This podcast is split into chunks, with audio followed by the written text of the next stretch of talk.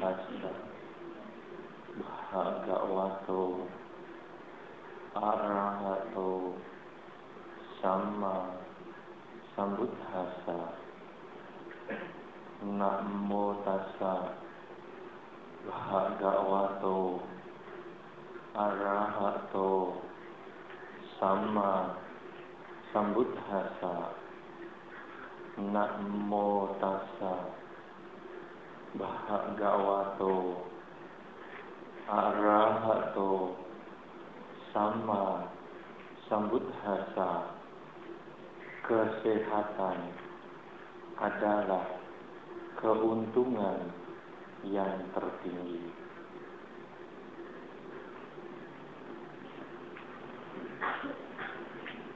Saudara-saudara para umat kita yang berbahagia. Saya kira malam hari ini adalah merupakan malam yang khusus karena mungkin tidak biasanya Anda kebaktian hari Kamis. Biasanya hari apa? Minggu. Tapi hari ini khusus hari Kamis. Sehingga saya teringat Hari Kamis kalau kebaktian itu di Blitar. Malam Jumat.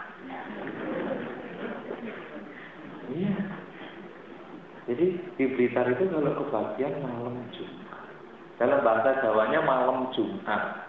Artinya sehari atau semalam sebelum hari Jumat. Di, di Bali ini ada istilah itu sama malam Jumat. Nggak ada kan? Nggak ada. Jadi hari ini ngomong kalau hari Kamis apa? Kamis malam. Iya betul, ini Kamis malam. Tapi kalau besok Jumat, malam Jumat kan? Iya sama toh. Nah, jadi sama. Nah, memang kesannya kalau malam Jumat itu lalu agak angker apalagi malam Jumat Kliwon. Memang Kliwon juga sampai di Bali juga. Hitungannya sama ya. Nah, saudara, karena itu kebaktian khusus malam hari ini, tentu saya juga akan membuat satu hal yang juga khusus. Saudara-saudara, khususnya yang kemarin malam datang pada waktu acara di Radisson. Ada berapa orang yang datang? Coba tunjuk. Saya mau lihat banyaknya itu berapa. Cepet-cepet tunjuk. Ya enggak sebagian besar lah, bagian kecil. Enggak ada separuh. Saudara, kemarin kalau saudara wah nggak datang ke Radisson ini agak rugi. Tapi yang untuk apa menyesali masa lampau? Ibarat nasi sudah menjadi bubur kan nggak bisa dibikin nasi lagi ya kasih kasih saja bumbu yang lain bisa makan bubur ayam. Saudara-saudara, misalnya kemarin kalau kita membahas tentang hong shui, itu ada beberapa topik yang menarik bagi saya. Yang pertama, hong shui supaya cepat kaya. Loh, gimana caranya biar kasir tempatnya di mana? Nah, itu masih hubungannya dengan cepat kaya. Tetapi ada yang kedua, yang saya juga perhatikan, Hoswi yang berhubungan dengan kesehatan. Sehingga kemarin Pak Kang itu kan membuat semacam semacam apa ya? Ramalan atau dugaan Pak kan masih di sini? Ibu ini gimana sekarang? Oh nah saya nanti bisa konsultasi. Nah itu kan membuat misalnya begini. Wah apa itu? Rumah Anda gelap. Jadi perut Anda cenut, cenut. Ada ada kemarin istilah semacam itu dan masih banyak lagi. Saudara-saudara, berarti ini ada hubungannya dengan kesehatan. Tata letak rumah berhubungan dengan kesehatan. Saudara-saudara, pada malam hari ini saya akan membahas kesehatan tapi bukan dari sudut fungsi. Karena nanti saya dikira sudah alih profesi. Jadi saya akan membuat bagaimana orang bisa sehat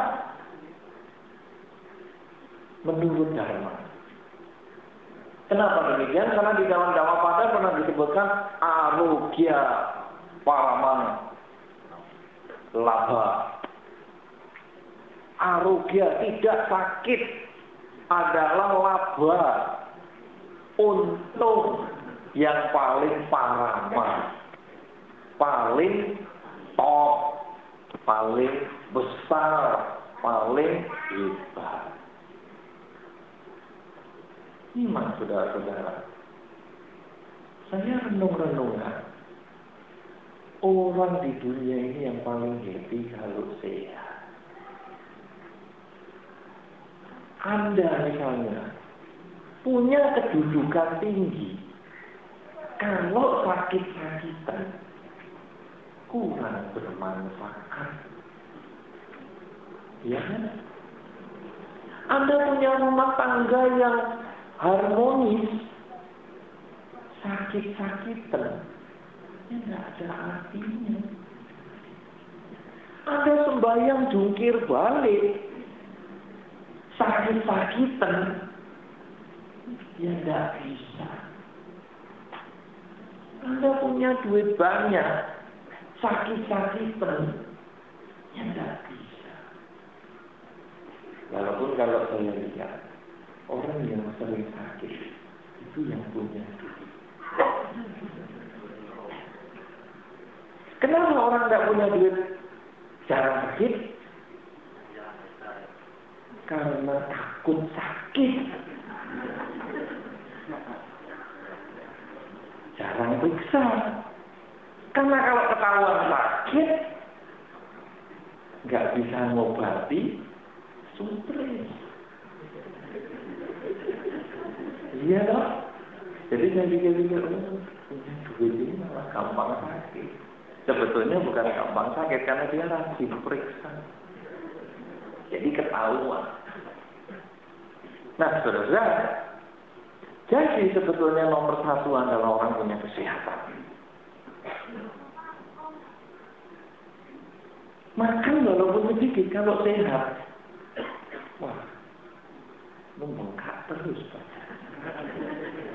Saya ini, wah, ke mana-mana saya kadang-kadang jadi kepikiran. Setiap orang ketemu saya, nanti kok tambah gemuk.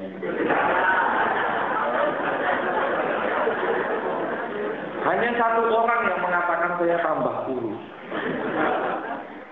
Pak Putu. Mana Pak Putu hari ini? Ada? Ibu? Belum, mundur. Kemarin datang-datang, wih, Bande, Bande tambah kurus. Seumur saya ketemu ini akhir-akhir ini, baru satu orang ini. Saya mau kasih angpau nanti. Semua orang kalau ngomong, panggil tambah gemuk. Sehingga saya sudah siap. Begitu orang saya sudah aneh, memang saya mau jadi Mike Tyson. Mau apa?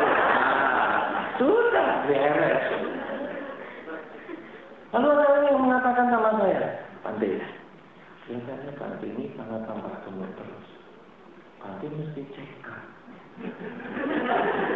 Mungkin ada sakit ini saya. Saya itu sudah up terus. Aman-aman. Pernah kolesterol tinggi, hajar obat dua minggu habis. Kolesterolnya hilang. Trigliserid mau tinggi, hajar obat lagi takut dia mundur lagi. Memang sehat. Nah sehingga sudah periksa nggak ada sakit, orang kasih nasihat baru. Nanti, nanti mesti diit loh. Wah, wah saya katakan Saya kamu suruh diet. Berarti saya ini sekarang mau makan Senin dan Kamis saja. Biasanya kan seminggu saya hanya lima kali makan. Karena Senin dan Kamis yang tidak makan. Hari ini saya ya pasti nggak makan bu. Saya makannya kemarin. Nanti pagi nggak makan. Besok pagi belum makan. Siang baru mau makan. Tapi ya sekarang ya sehat-sehat. Lah kalau sekarang suruh diet, berarti kan saya hanya makan seminggu dua kali. Wah, nanti umat protes. Saya makan sekali saja sudah protes karena tidak memberi kesempatan berbuat baik. Senin Kemis juga protes. Hari ini kan nggak ada yang berbuat baik sama saya berdana makan. Nggak ada. Karena memang saya nggak makan. Nah, saudara-saudara, kami itu lalu saya berpikir lagi. Berarti orang gemuk, orang sehat belum tentu tanpa makan. Ini teknik kiat-kiat biar sehat. Dalam istilahnya Pak Kang kemarin, siasat untuk kesehatan. Murah meriah. Kalau Anda ikuti teknik ini, Anda cepat gemuk seperti saya. Kemarin Pak Tekno juga tanya di mobil, Nanti bagaimana saya biar gemuk? Saya sudah makan banyak nggak gemuk. Ya saya katakan, jadi biku kamu. biku. Takut ya. Nyonya juga langsung stres. Nah, ini dia. Lah, saudara-saudara. Di dalam Dharma Anutara Nikaya 345 itu disebutkan beberapa cara supaya kita bisa sehat. Manusia ini terdiri dari batin dan badan. Anda mau kelola badan dengan apa saja vitamin, makanan bergizi apa pun, senam apa pun, Selama masih ngurusi badan Anda, Anda belum bisa sehat. Nah, di dalam dhamma mengutamakan sudut batin. Batin ini yang harus diolah. Nah, oleh karena itu saran yang pertama yang diberikan di dalam dharma untuk supaya orang sehat adalah tahu caranya membuat batin tenang. Tahu cara membuat batin tenang.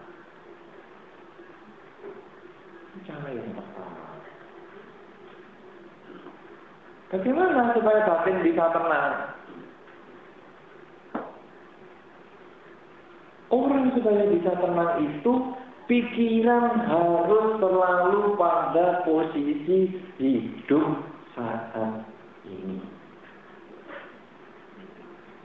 Anda bisa, Anda cemas, Anda takut, Anda stres. Itu karena pikiran Anda melekat masa lampau atau masa yang akan datang.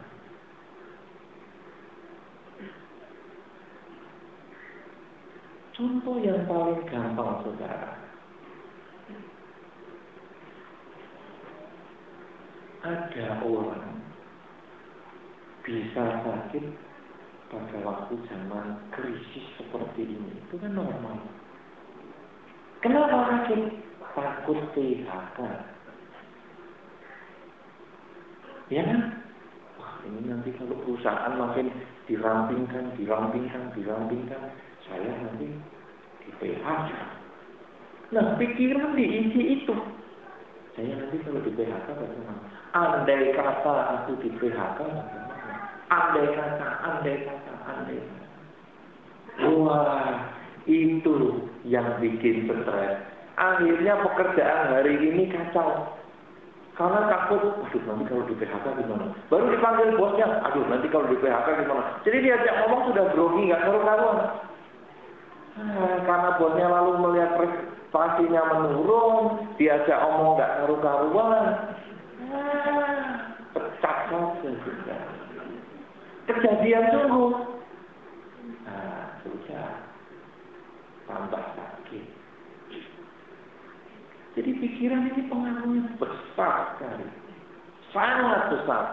Luar biasa besar. Karena itu di dalam Dhamma Pada dibuka dengan pikiran ini pelopor segalanya. Suka dan duka itu tergantung pikiran. Wajah Anda itu mencerminkan pikiran Anda. Salah satu bukti kan kemarin di dalam talk show itu. Anda kan langsung dikatakan, oh rumahmu ini pintunya jejer-jejer. Berarti kan muka Anda itu menampilkan denak rumah. Loh, iya kan? Loh, dari mana dia bisa ngomong begitu Anda saja tidak kenal kok? Pak Lai mana Pak Lai? Ada nggak nih? Kemarin kan dikatakan Anda lahir dekat danau, eh, dekat air. Ya lalu ingat-ingat Batu Riti kan dekat danau ya Ibu. Jadi, oh betul. Jadi mukanya itu mencerminkan danau.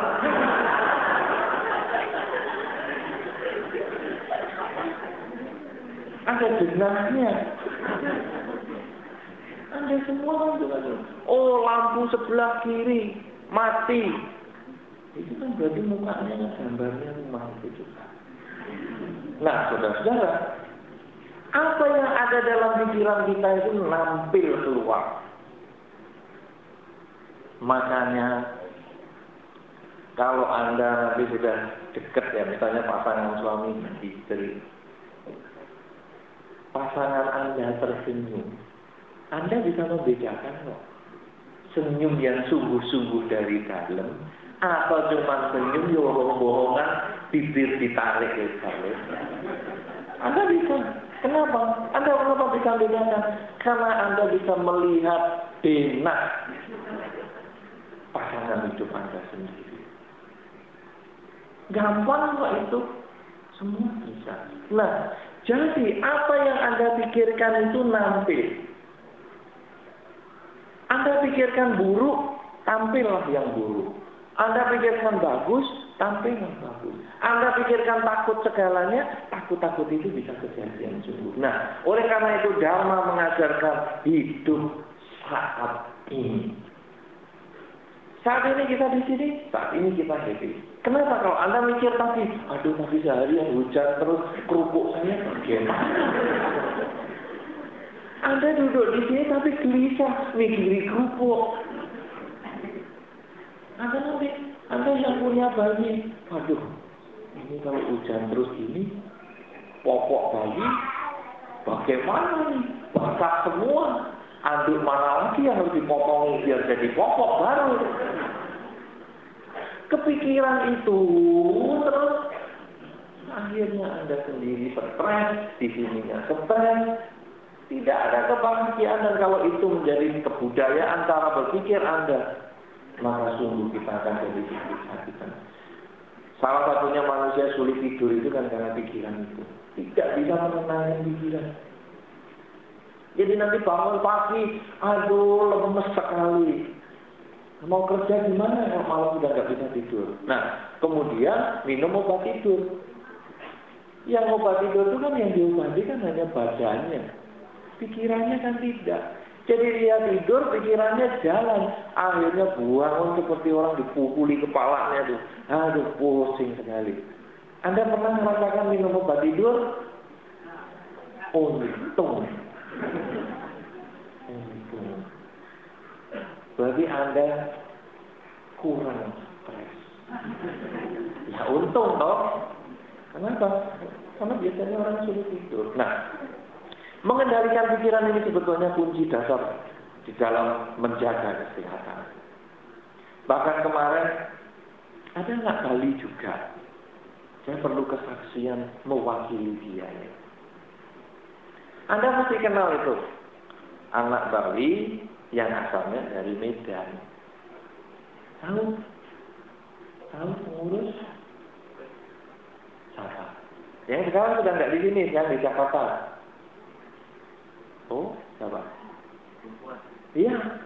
Wah, pinter. Kok tahu loh kalau perempuan? Binatnya ini Kalau perempuan tahu. Kalau pasti nggak tahu. Wah, bahaya, bahaya. Untung nyonyanya nggak di. Ya, betul. Namanya Shirley. Bukan Shirley ini, Shirley Medan. Dia pada waktu kemarin, bulan Juli sampai Oktober, dia berlatih meditasi di Lingi.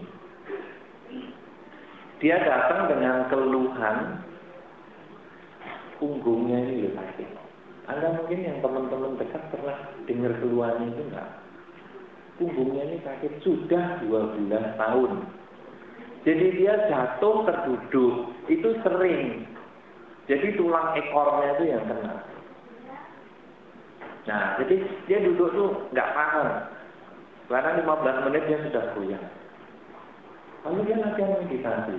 Apa sebetulnya yang dilatih meditasi? Menenangkan pikiran. Diarahkan untuk menenangkan pikiran. Apa hasilnya setelah satu bulan lebih di sana? Penyakitnya itu berkurang sedikit demi sedikit. Padahal dulu kalau saking sakitnya, tulang tulang ekornya itu loh disuntik langsung. Dia nungging. Katanya sakitnya luar biasa. Karena memang kalau daerah tulang ini punggung itu kalau disuntik sakit. Sakit sekali. Dan dia pasti ekornya. Ini setelah meditasi beberapa lama bulan lebih. Makin lama sakitnya makin kurang bahkan setelah akhir meditasi masa Kapino itu dia sembuh sampai sekarang. Sudah nggak minum obat lagi, padahal dia minum obat dulunya 12 tahun. Dan yang lebih hebat, dia pernah bermeditasi dari jam 2 siang sampai jam 3 malam. Dia duduk aja, nggak kerasa apa sudah jam 3 malam. Berapa jam?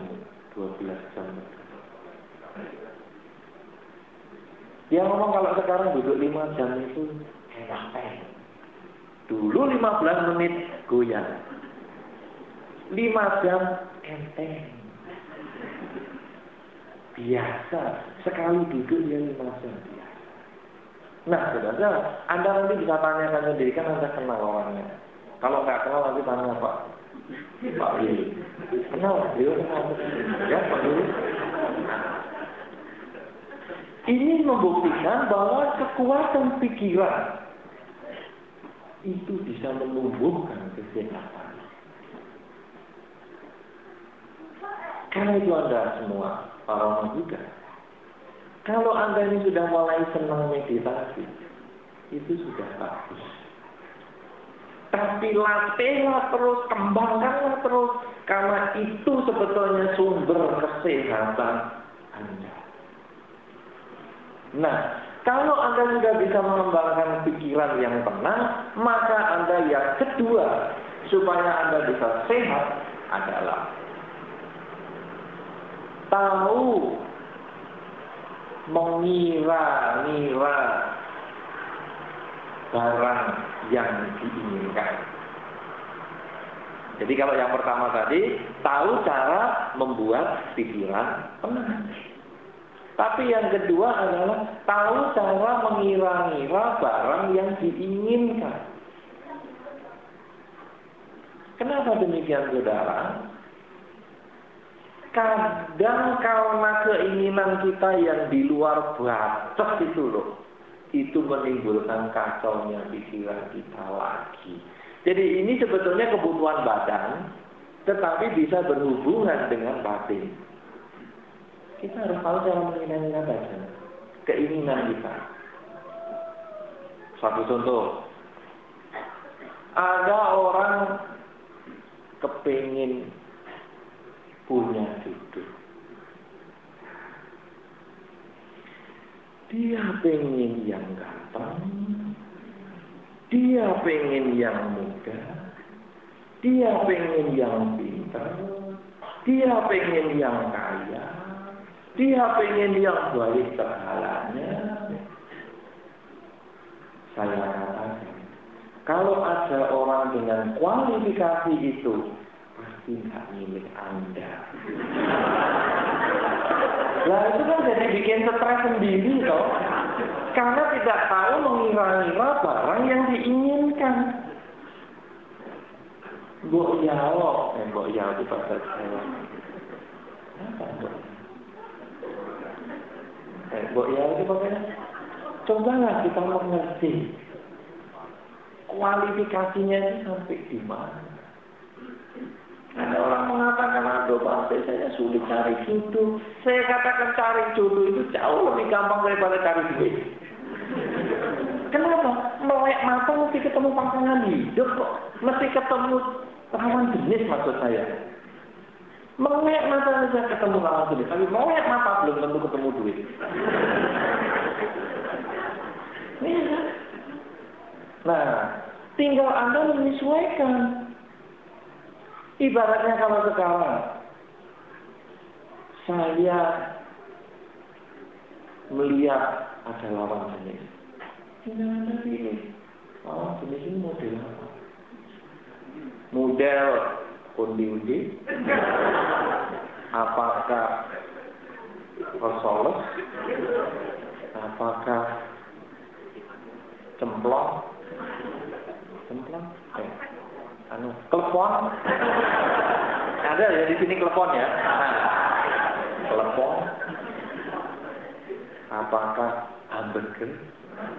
Anda pilih itu yang tersedia. Jangan Anda menyediakan untuk mencocokkan pilihan. Anda mau cari hamburger, hamburger yang bentuknya begini, begitu, begitu. Cari, nggak ketemu. Kenapa? Karena Anda hanya berangan-angan. Maka kawinlah dengan angan-angannya sendiri. Tapi kalau Anda apa adanya? Ada 10 orang, pilih salah satu. Nah, lebih gampang. Itu kan lebih sederhana. Nah, kenapa? Karena kita harus tahu cara mengira-ngira barang. Mobil-mobil. Lihat dulu dong penghasilannya. Jangan penghasilan kecil. Wah, saya mau beli ah. Land Cruiser yang satu miliar. Lain nyicilnya kantong bisa bolong juga. Anda harus bisa mengira-ngira barang yang kira-kira cocok untuk Anda, sesuai untuk Anda. Apakah itu perhiasan, apakah itu pasangan hidup, apakah itu rumah, apa saja yang bersifat materi, bersifat fisik, marilah pikirkan sesuai dengan kemampuan Anda. Jangan seperti pepatah di salah satu pulau di Indonesia. Lebih baik pakai dasi, walau tidak makan nasi. Nah, ini kan repot. Ada itu. Pokoknya upnya bagus, semua penampilannya bagus. Waduh, anak dua hari nggak makan nggak diurusi. Itu ada loh di salah satu pulau di Indonesia yang mataknya seperti itu. Saya nggak ngomong, Anda yang ngasih tanda. Salahnya sendiri. Salahnya sendiri. Saya nggak ngomong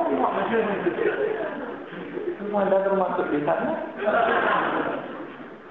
Itu saya waktu mendengar begitu tuh sampai, aduh, ini seperti kalau kemarin ah, berita televisi, apa itu seputar Indonesia, liputan 6, Pokoknya yang kelihatan yang rapi, jas-jasa make upan, sisiran yang bagus, masalah bawah sarungan sandal jepit, nggak usah diurusin, nggak punya apa Anda nggak bayangkan tuh penyiar televisi itu bawahnya sandalan cepit?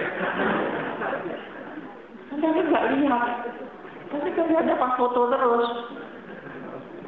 Itu lebih baik pakai gaji, walau nggak makan nasi, ya. Nah, pola-pola ini yang akan menimbulkan stres.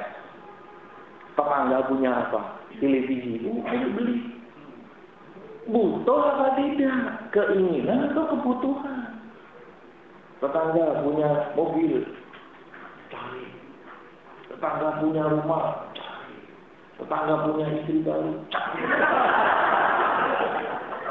Anda akan stres dengan pikiran itu sendiri. Tahu, tahu cara mengira-ngira barang yang cocok, yang pantas.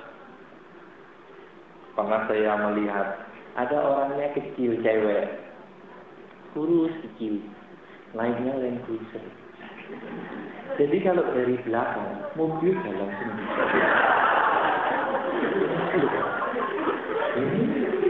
Ini gimana? Dia ambus. Saya katakan untung kamu nggak nyetir sambil begini. Orangnya mini begini kok. Mobilnya gede. Katanya dia biar gagah nanti. Saya orangnya kecil, tunggangannya harus besar. Ya, itu ide baik. Tapi waktu kamu nunggangi itu ya aneh bentuknya jadinya. Itu karena dia tidak bisa mengira-ngira barang. Nanti itu stres-stres sendiri. Nah, saudara, yang pertama adalah bisa mengendalikan pikiran, yang kedua adalah bisa mengendalikan apa yang kita inginkan, yang sebetulnya itu nanti arahnya juga mengendalikan pikiran lagi. Maka yang ketiga adalah mengendalikan makanan. Ternyata Dharma di dalam anggota Nikaya 3 145 ini juga menyarankan makanan ini harus dijaga. Karena makanan itu sebetulnya juga racun kalau kebanyakan. Saya teringat sekali pada beberapa tahun yang lalu saya pergi ke Batu Riti. Ada orang yang bikin perkebunan sendiri, ya. Ibu, apa namanya Bu? Yang bikin air dari gunung langsung, yang tidak mau kena polusi. Ya, ada itu ya. Nah, kenapa? Karena dia menyadari bahwa sekarang ini semuanya terkena polusi atau kimia-kimia. Anda sekarang dengan bangga minum air botolan. Ini baru saja tertangkap ada pemalsuan air sumber dimasukkan. Jadi Anda bangga dengan memasukkan penyakit di dalam tubuh. Apalagi yang suka makanan barat, Eropa. Saya lihat sekarang perkembangan anak-anak kecil zaman hari ini. Ada anak kecil yang gendutnya. Itu agak aneh. Anda pernah lihat, mungkin ibu-ibu lebih tahu, gendutnya itu kendor kendor. Itu kelihatan sekali dia adalah hobi daging-daging fast food. Kenapa? Karena pengaruh penggemuk ayam itu loh. Ayam potong itu kan dikasih seperti 521 terus apa lagi konsentrat nah istilahnya konsentrat. Konsentrat konsentrat itu. Jadi dia gemuk. Nah lalu dipotong. Dagingnya dimakan. Dagingnya itu mengandung konsentrat itu sehingga kalau ada anak suka makanan fast itu nanti gemuknya itu pasti ayam potong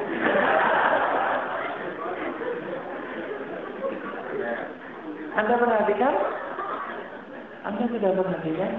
Apakah saya gemuknya kayak ayam potong? saya khawatir kebanyakan waktu juga. Itu karena besar. Kemudian ada lagi sekarang ini beras supaya wangi itu pada waktu selek Nyelap itu. Itu dikasih kimia. Esen. Esen bau pandan. Jadi nanti begitu dicium, wah, wangi pandan. Padahal itu esen.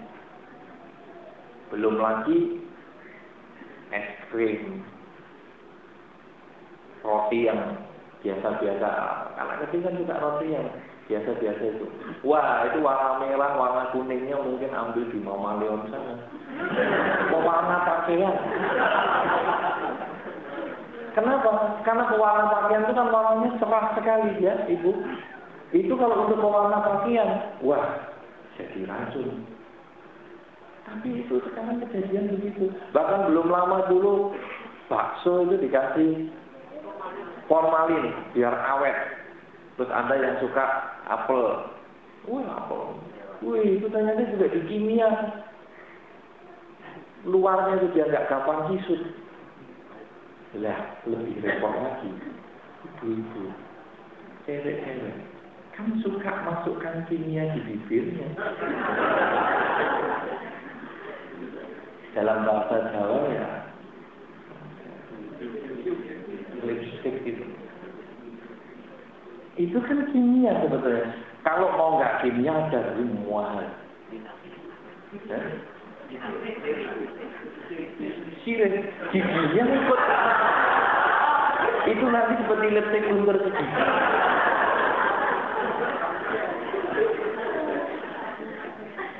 Ada, ada lipstick yang mahal yang memang bukan kimia ya. Ibu-ibu tahu? Hah? Tahu? Ada itu. Saya tahu. Ibu-ibu gimana malah nggak tahu nih? Eh? Iya, memang mahal sekali. Karena dia memang alamiah. Istilahnya apa? Natural atau apa begitu pokoknya. Nah, yang lain itu kan kimia biar jreng merah, jreng ungu, jreng coklat, segala macam. Itu tiap hari. Malah ibu-ibu merasa kalau nggak pakai rasanya kok kayak pucet ya. Makanya atasila itu ada baiknya.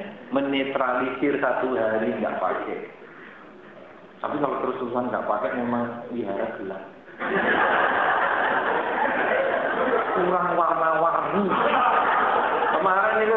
Waktu di Rajasthan saya lihat warna-warninya tapi kalau tiap hari gitu terus yang ngeri juga. Ya. Nah, itu sebetulnya adalah bagian yang masuk ke mulut.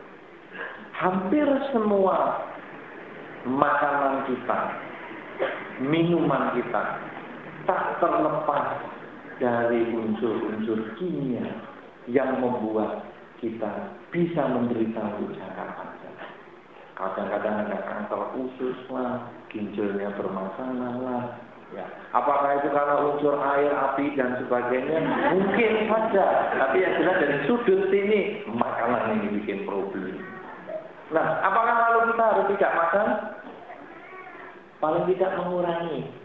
Sering-sering jalankan delapan sila. Karena delapan sila itu salah satunya tidak makan setelah jam 12. Itu salah satu. Jangan jadi ibu-ibu atau bapak-bapak, ayo ayo makan. Oh, saya berapa? Saya apa sila? Lu apa sila kok kamu pakai giwang, pakai ini? Ya cuma puasa. Oh, itu bukan apa sila. Ika sila.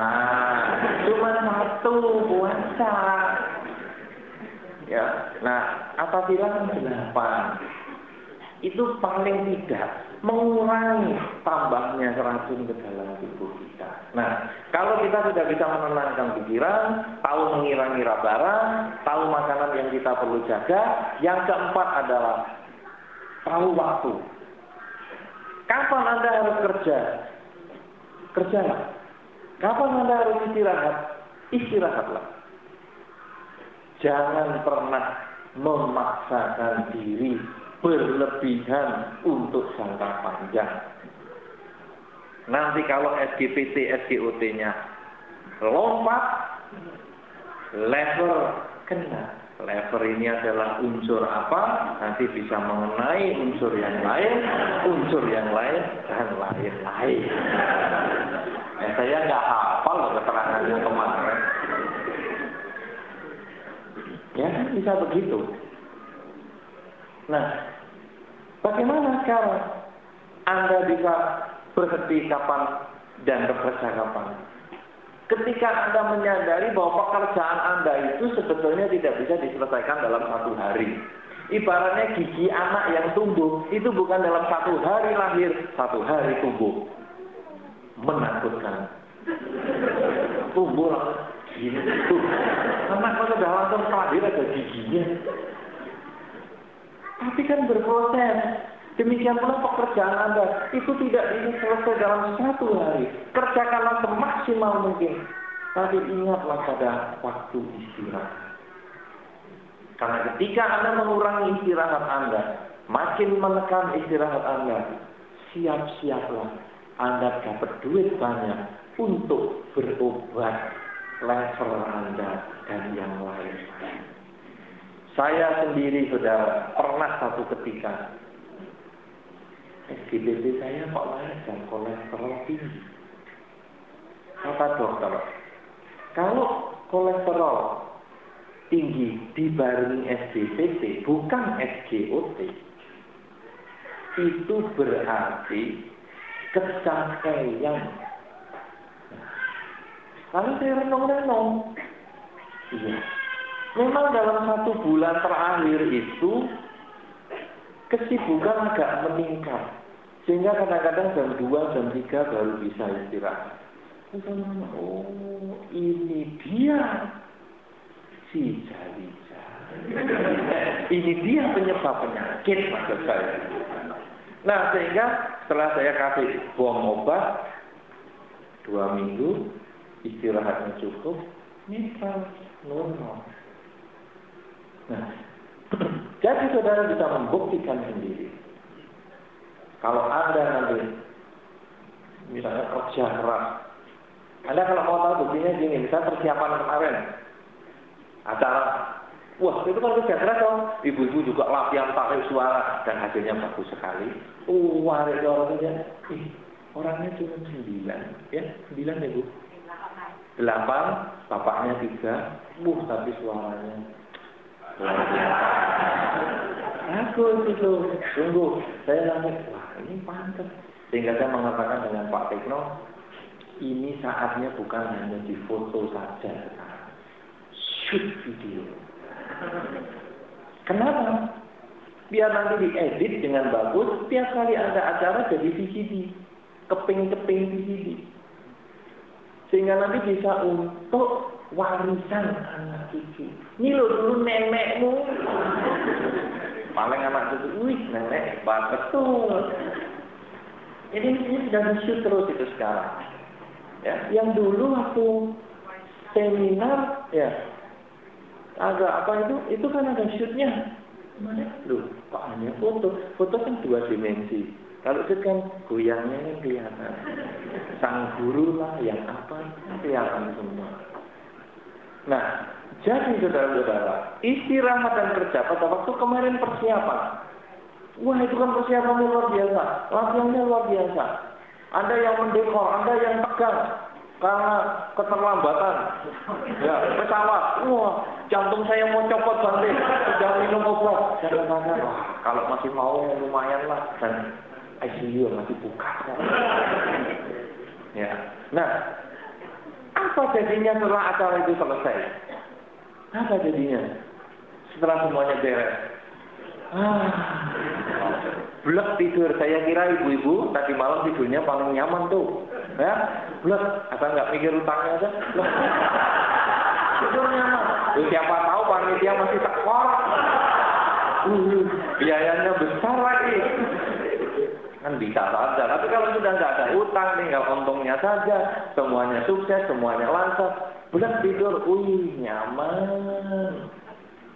Anda sendiri kalau meditasi, Anda sudah sering vipassana. Siapa coba yang sering vipassana? Tunjuk jari coba, ayo. Tidak ada. Masa di Bali yang begini hebatnya vipassana? Ini satu orang. Dua, Tiga. Lu kok malu-malu tuh ya? Ayo, siapa yang sering? Wih, yang yang sering. Pernah, pernah. Biar banyak yang nunjuk. Pernah, di sana. Kok nunjuknya dua, Bu? Dua kali? Oh ya. Itu lima. Kemudian gini, dua juga. Ah, sebagian, oke. Saudara-saudara, Anda bisa membuktikan. Bagi yang belum, rugi lu, gak bisa dapat pengalaman itu. Apa yang Anda pengalaman? Apa yang Anda alami? Pagi kan bangun, duduk, jalan, duduk, jalan, jalan pelan. Pelan tuh jalannya. Cepetnya itu waktu makan pelan. Tapi kalau kerupuknya jatuh, itu yang cepet. takut, takut keduluan.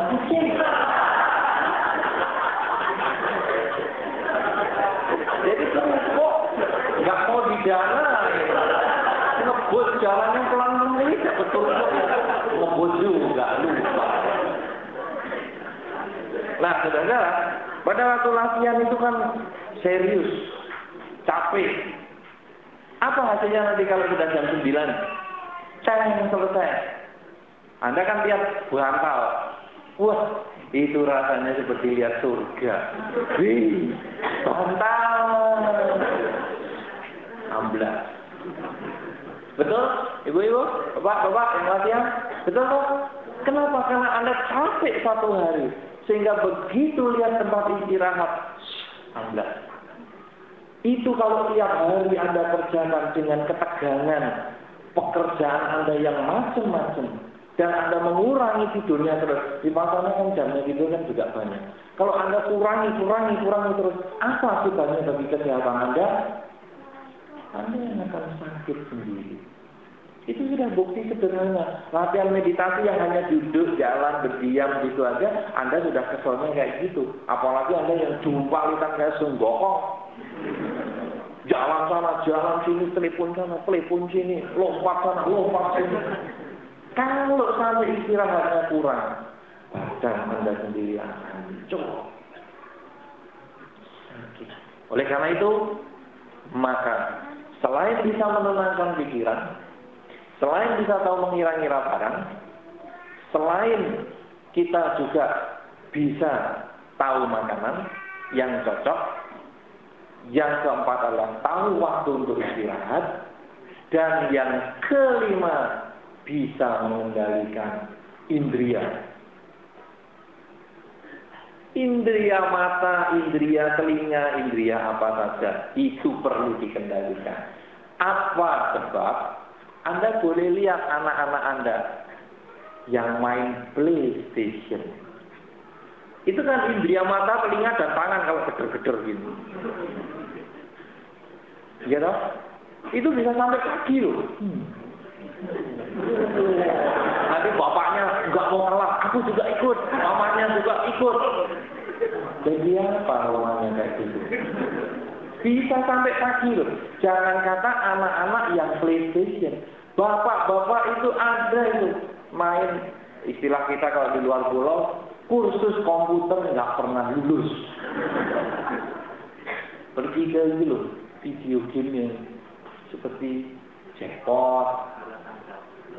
Bukan, tapi pakai komputer. Itu, itu kan ada berapa puluh ribu ing mesin lu lawan. Katanya mau cari kaya dari mesin ini. Akhirnya sampai pagi, sampai pagi, sampai pagi, badannya sakit, duitnya habis. Itu yang bapak-bapak sudah tua. Loh, apalagi anak yang main PlayStation. Nanti remaja-remaja yang punya komputer, wah ini komputernya juga untuk game, terus jebol itu komputernya. Dia bukan dibuat untuk game. Kenapa? Karena Anda memanjakan indria. Ada yang senang nonton film yang ikut langganan HBO itu. Oh itu dia sampai pagi pokok. Paginya ngantuk, nggak bisa kerja, sakit akhirnya. Anda suka nonton televisi, sekarang kan televisi ada berapa ratus channel itu. Itu bisa 24 jam nonton bola lagi. Wah, wow, wow, sampai jam 4 pagi, jam 6 pagi. Kerja mesti ngatur. Nah, indria ini yang kita mulai kendalikan. Televisi memang menarik, radio memang menarik untuk didengar. Tetapi ingat, semua itu ada batas. Batasnya di mana? Batasnya pada kekuatan fisik Anda. Karena kalau televisi selalu mengatakan, tetaplah bersama kami. Jangan ke mana-mana. Kami kembali setelah pesan-pesan berikut ini. Selalu begitu. Kalau Anda menuruti itu, berarti Anda dibodohi. Karena pernah ada seorang ibu, dia melihat iklan di televisi bahwa satu satu keping keju ini sama dengan segelas susu. Jadi tiap hari anaknya cuma dikasih sekeping keju dianggapnya sudah seperti segelas susu. Ya, dua bulan kemudian ya kurus kering. Ini namanya ibu yang dibodohi. Sama dengan tetaplah bersama kami. Enggak, ada yang sudah dimati-matikan. Nah, sakit akhirnya. Ya, oleh karena itu saudara-saudara, lima hal inilah sebetulnya yang diajarkan di dalam Dharma Al-Mutara Nikaya 3 140. Lima hal yang sesungguhnya terdiri dari unsur badan dan unsur batin. Unsur batin adalah yang nomor satu supaya kita bisa sehat. Bagaimana kita mengendalikan pikiran. Unsur badan ada beberapa macam.